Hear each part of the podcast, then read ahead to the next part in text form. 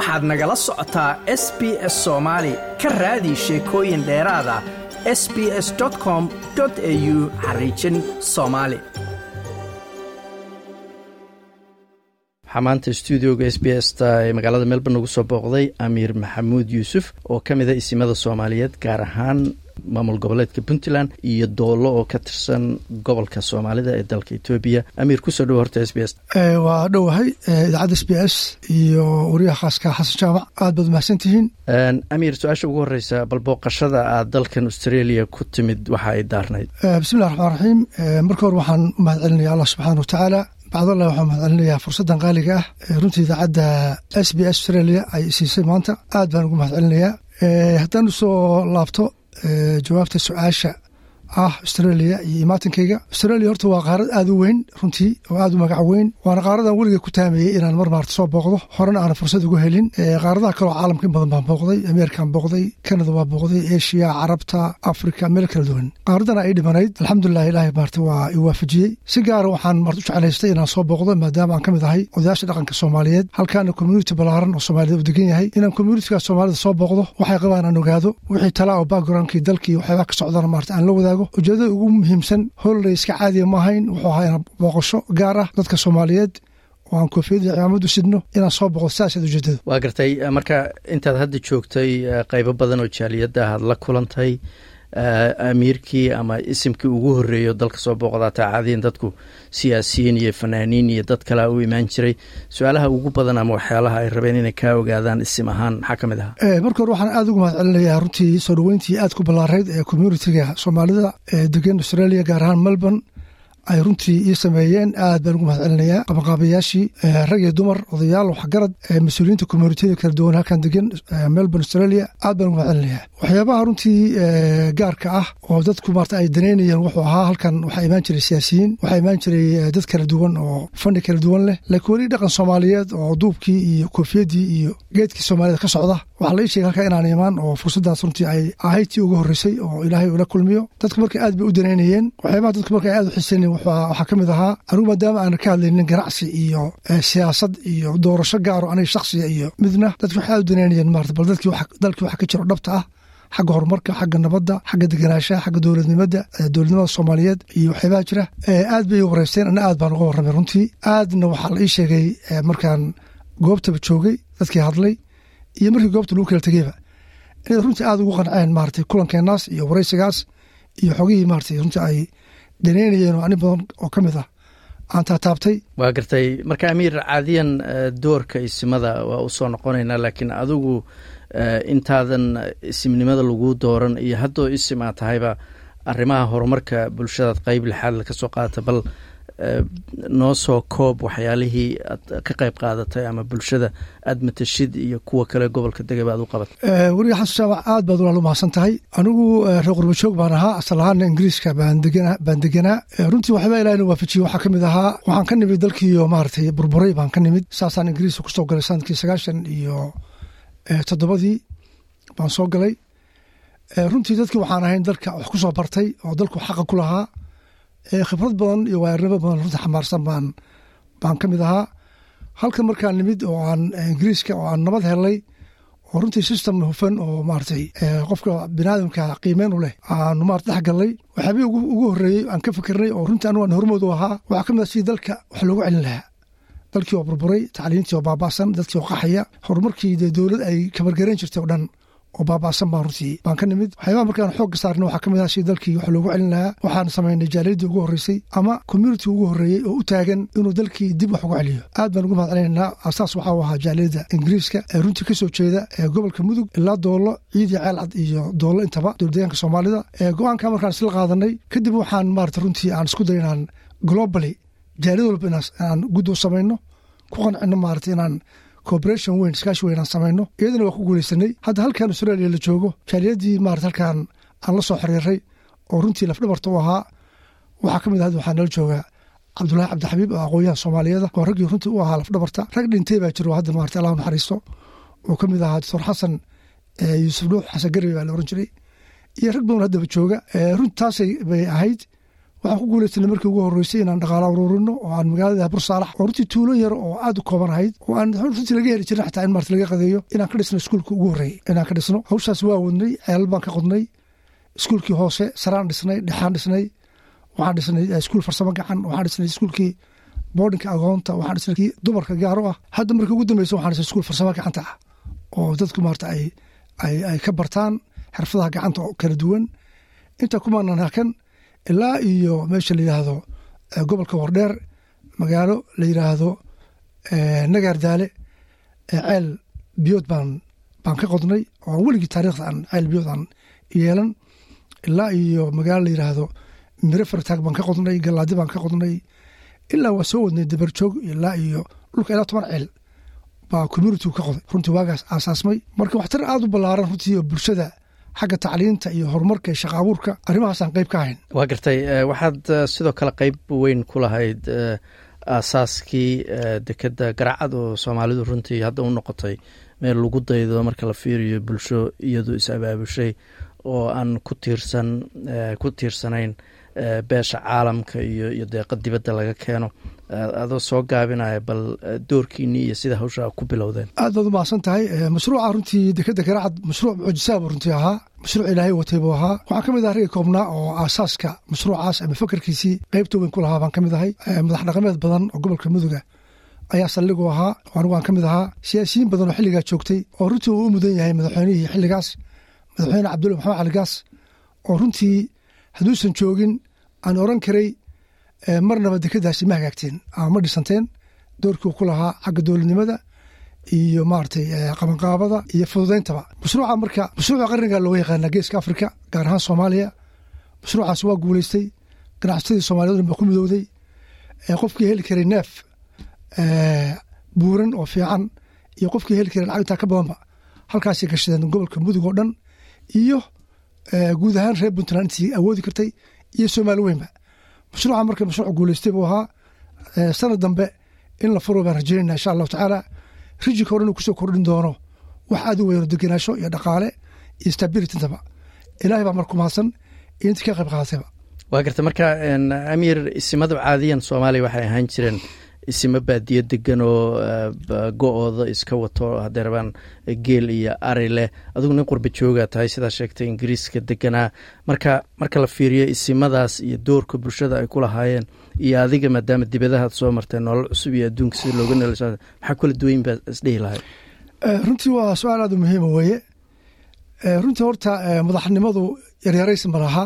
Madax dhaqameedku ama isinka ama nabadoonku waa nin reerka markaa uu ka soo dhexbaxay iyo community ka soo dhexbaxay ay ugu talagaleen inuu noloshooda wax ka bedelo. Qofka noocaas oo kalea marka wuxuu u yahay marka hore horta inuu ku yimaado qaab doorasho ah oo tilmaan gaar ah inuu hogaan noqon karo reerka wax ku kordhin kara badan. Horta saa wey asal ahaan waagii hore soomaalidu reer guuraabay ahayd qaabkan marka reerka wax lagu soo kordhiyo inta badan waxba looma dooran jirin. Laakiin waxaa loo dooran jiray dhib jirtay markaas. Qof demin kara ama colaad markaas iyo khataro jiray ama wax ku beerin kara ama wax ka yareyn kara. Marka de adduunka maanta waa isbedelay. Caalamka maanta aan ku noolahay waa caalam horoo socda oo aan kulligood ogtihiin caalamka marka wuxuu u baahan yahay hogaan la jaan kara bulshada wax ku soo celin kara caalamka weyn ku xiri kara ayuu baahan yahay. Runtii waxaan is leeyahay waxaa ku mahadsan ilahi subxana watacaala bacdallahina waxaa mahad gaar iskale reerkii runtii maaragtay aniga colays kastaba ahaato laakiin ta fariistay oo fakeray yiri oo ninkaas maanta aan bakoorada u dhiibano iyagaa runtii vishinka iska lahaa iyo iyo xolashadaba runtii hadda annaa waxaan ku shaqaynayay rabitaankooda iyo iyo runtii waxay malaynayeen in lagu soo celiyo intaan ka gaari karo. Marka farqigaa jira maanta waxa weeye adduun casriga maanta la joogaa anuu soomaalida waxaan kula talina waxa weye hogaanka la dooranayo in lagu doorto hogaan caalamka la jaanqaadi kara bulshada wax ku soo celin kara aada u ballaaran wax badanoo had iska haraadiyo jirana kala talin kara oo maaragtay ka reebi kara. Sidaasaa communitiyadu iyo deegaamadu ay ku horumari karaan. Haddii communitiyada deegaamadu iyo qabaalka ay horumarana waxaa horumari doona qaranka soomaaliyeed. Waa gartay amiir marka sidaad sheegtayba beesha aad isimka u tahay waxay degaan mudug ilaa doolo isimada mudug ama dhanka puntland baad ka mid tahay. Waxaad aada uga soo hadashay arrimaha horumarka waa ka soo shaqayseen oo ceelal aad qodeen iyo iskuulla aad dhisteen iyo dekeda garaacad oo kale. Lakiin waxaasoo dhan waxaa fura u ah nabadda. Magaalada gaalkacyo center u ah beesha aada cimaamada u haysid. Baryahan dambe aada waxaa ugu soo badanayay dhalinyaro lagu dilo aana qabiil loo dilo haldoorkii gobolka lagu dilayo isima ahaan arintaas maxaa wax looga qaban waayey? Maxaad ka qabanaysaan? Dhacdooyinkaasna sababaha xilligan la joogo gaalkacyo ay ugu soo bateen. Maxaa ka mid a aad ba umahadsan tahay waa su'aal aada u muhiima weeye. Runtii horta gobolka mudug waxaa degan dad hal qoysa degan oo qoys soomaaliyeeda si gaar haddii loo tilmaamo dhinaca puntland dad waxaa degan isku haybaa degan dadkaa dad walaalaa weeye taariikhiyanna wax dhib oo dhex mari jirtay oo aada u waaweyn ma jiraan. Maadaama dowladnimadu ay kooban tahay marmar dhib way dhacaan. Wixii dhacaana markiiba. Waxbaa laga qaban jiray. Dadkuna way u hogaansami jireen. Waayadan runtii waxaa moodaa sidii hore wax ka badan ay dhacayeen baad moodaa. Arrimaha marka waxyaabaa keenaya waxaa ugu horreeya puntland xilli doorashaha bay gashay. Xilliga doorashada la galana wax badanoo awooddii dowladnimada ah baa xoogaha hoos u dhac ku yimaadaa. Sida booliiska sida ciidamadii kaloo maaragtay amniga sugu jiray.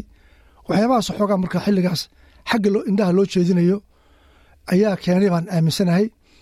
Waxyaabihii hadda dhacay oo dilalka ahaa wax lagu yaqaana deegaanka ma ahayn laakiin in badanoo ka mid hadda waa la xaliyey dadkaa dad walaalaha weeyo haddii dhib dhibka dhaca waxaa maaragtay dhaqan u ah in la qabto oo aan wax dambe ka daba dhicin. Haddana waa lagu guuleystay boqolkiiba sagaashan iyo shan baan oran karaa. Inta yaroo dhimano maadaama an wadan ka soo maqanahay ismadii kaloo gobolka o dhan baa gacanta ku haya rajaduna aad ba u fiican taha waxaan rajaynayna insha allahu tacaala in waxyaabaha iska dhammaadaan. Dadkana waxaan ku waarinaynaa nin dhintay waxaa ka nool walaalkaa ku nool. Baa ka wanaagsan. Marka dilalka iyo waxyaabahan loo aabedelin dayaynin adduun la'aan iyo akhrilaan bay leeyihiin. Marka dhaqankii suubanaa oo lagu yaqaanay dadka soomaaliyeed guud ahaan gaar ahaan gobolka mudug gaar ahaan deegaanka puntland waxaan doonaynaa in la ixtiraamo walaalnimadii iyo wixii dadku ay soo ahaayeen dhib wuu dhacayaa dhibka dhacaya dhib laga dabageyn dadaalka marka waa uu jiraa boqol kiiba boqol ismadii dhan baa ku jira dowladdii baa ku jirta. Haddana wax badan baa la xaliyey inta dhiman insha allah way dhimaanaysaa. Waa gartay amiir marka arrimaha kaloo caadiyan isimada puntland ay geli jireen ama ka qeyb qaadan jireen waxaa ka mid ahaa inay isku dayaan inay xaliyaan markii khilaaf siyaasadeed yimaado. Hadda puntland khilaaf ku saabsan doorashada jira maxaad ku talin lahayd si loo xaliyo khilaafkaas siyaasadeed. Su'aashaa su'aal aad u muhiim wey runtii haddana taana taagan. Horta puntland waa runtii waxay ka mid tahay muuqaalada iyo wejiyada ugu waaweyn ee soomaaliya maanta ay leedahay. Puntland waa dal ballaaran oo nabadgelyo ah oo soomaalida dhan ay shiinsato weeye. Dhaqaalihii dal soomaalida dhan baa yaalla saddex markii bulshado dhan baa yaalla. Runtii haykalkii iyo dowladnimadii meelaha laga dheehan karay ka mid tahay. Dhib uu imaan jiray xilliyada doorashooyinka. Horey u dhici jirtay laakiin mar walba uu dhibdhaco xilliga doorashada. Xal baa imaan jiray. Ama siyaasiyiintu iyagaa xalin jiray iyo madaxweyneha markaa jooga kursiga fadhiya isagaa xalka laga fiirin jiray. Sida hadda madaxweynashi ka horreeyo kaleba markay dhib ay dhaceen hadda doodii tan ka horreysay faroole madaxweyne faroole ayaa joogay dalka. Markuu arkay in khatar ka imaanayso wuu joojiyey runtii odaynimo buu isticmaalay iyo runtii waayaarnimo aad u weyn aad buu ugu mahadsanaa waana lagu soo caanamaalay madaxweynihii ka horreeyey wixii ka dhacay waa ka warqabteen hogaankii markaa joogay baa xalku ka yimid isagaa dalkii dadka u daneeyey. Madaxweyneha hadda jooga saciid cabdulaahi deni waa madaxweyne runtii dalka wax badan ka qabtay oo karaamo iyo sharaf badan loo hayo. Hadda dariiqa uu dalka ku hagayo waa dariiq loo baahan yahay oo ah in laga gudbo waxyaabihii hore maarata iska aan wada ogeyn. Oo loo gudbo qof cod waa wax wanaagsan. Haddii marka aanay dhib keenaynin oo maanta iyadoo fiican oo tartiiba loo gudbi karo waa sida ugu fiican waana sida la doonayo. Haddii laakiin dhib ka imaanayso sida hadda muuqataba oo dil dambe iyo barakac iyo sharaf dhac kale uu ka imaanayo oo hadda runta ay muuqato madaxweyne saciid cabdulaahi deni waxaa la gudboon inuu dadka iyo dalka u daneeyo oo ugu daneeyo sidii wakhtigan adag looga gudbi lahaa looguna gudbi lahaa isagoo ku sharfan wuxuu soo qabtay sideedda january madaxweynihii la doorto. Waan aaminsanahay nin hadda kastatron runtii inaanu jirinba oo maanta madax kursigiina fadhiyo waxqabadkiisiina uu muuqdo oo raadkiisu qoyan yahay inuu kala maanta doorto in dal puntland oo nabada ay ka gudubto caqabadda maanta taagan.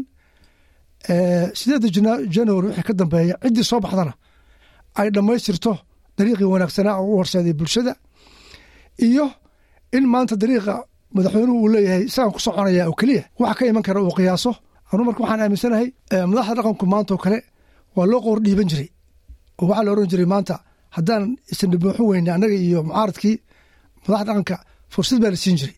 Waxaa la oran jiray maanta na arka haddaan kala qabta. Tii waxaad moodaa maanta ma taagna oo doorkii isimada maanta iyagoo garowa jooga. Waxyaabaha runtii anigu hadda aan runtii aan soo dhoweynayn waxaa ka mid ah oo runtii nagu ah waxaan hore u jiri jirin ismadii dhaqanka oo meelo kala duwan isaga yimid. Oo hadda garowa xal jooga iyagoo arrimihii ku jiray soo jiidka in dikraato dowladda ku saarto tiraahdo jadwalkii doorashaduba kaas halkaasaa la aadayaa. Macnaheedu wuxuu noqonayaa isimadii doorkoodii inaanu waxba ka jirin. Hadda waxay ku joogaanna ma yaqaanaan waxay ku tagaanna ma yaqaanaan. Dowladda marka waxaan u soo jeedinaynaa welibana madaxweynaha sheekh cabdulaahi deni oo wax badan qabtay. Runtii taariikhdu ay xusi doonto inuu maanta u daneeyo dalka iyo dadka. Haddii arrintan ay socon kartana waa tii la rabay inay socoto. Haddii ay dhiig iyo qalaase iyo kala tag ay keenayso oo cadowga puntland ay aada uga farxinaysana inuu saddex jeeroo dambe dib u fakero baan u soo jeedinaya anugu waa garta ugu dambeynta marka su'aasha u dambeysa dadka soomaaliyeed oo idaacaddan dhegeysanaya meel kasta ka yimaadeen soomaaliya oo laga yaaba inay xoogaa ka niyad jabsan yihiin wadankii waxa ka socda guud ahaan dagaalada kala duwan iyo aanada qabiil iyo siyaasadda xurguftaah laysku wada haysto.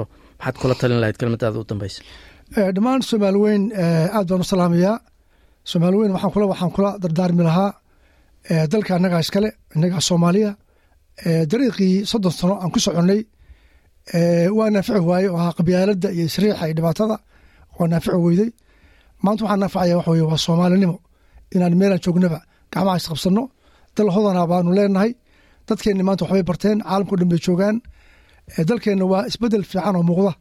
Baan ku samayn karnaa. Soomaalida marka waxaan leenahay aynu jabtarkii hore iska xirro oo colaadda iyo qabyaaladda soomaalinimo aynu ku xalin arrimaheenna dowladda maanta jirta iyo dowladda goboleedyadaba. Dhammaan aanu garab istaagno la shaqayno talooyinka ugu wanaagsan aan siino. Communitiyada caalamka jooga soomaaliyeed gaar ahaan hadda kanada aan la joogo reer australia iyo guud ahaanba waxaan kula talin lahaa sida ay u shaqeeyaan communitiyada kale oo isugu xiran yihiin oo ay danahooda iyadoon qabyaaladahayn ay nation ahaan dalalkii ka soo jeedeen iyagoo jaariyada leh ay caruurtooda ugu badbaadinayaan oo ay kan xanuunsan ugu gargaarayaan oo kan tacliinta si drop outka u ah ay u kaalmaynayaan. Aynu sidaasoo kale isugu xaraarno saasaan oran lahaa kaasina wuxuu ahaa amiir maxamuud yuusuf oo ka mid a isimada soomaaliyeed gaar ahaan puntland iyo doolo oo ka tirsan gobolka soomaalida etoobiya like aas la wadaag wax ka dheh lana soco barta facebooka ee sb s soomaali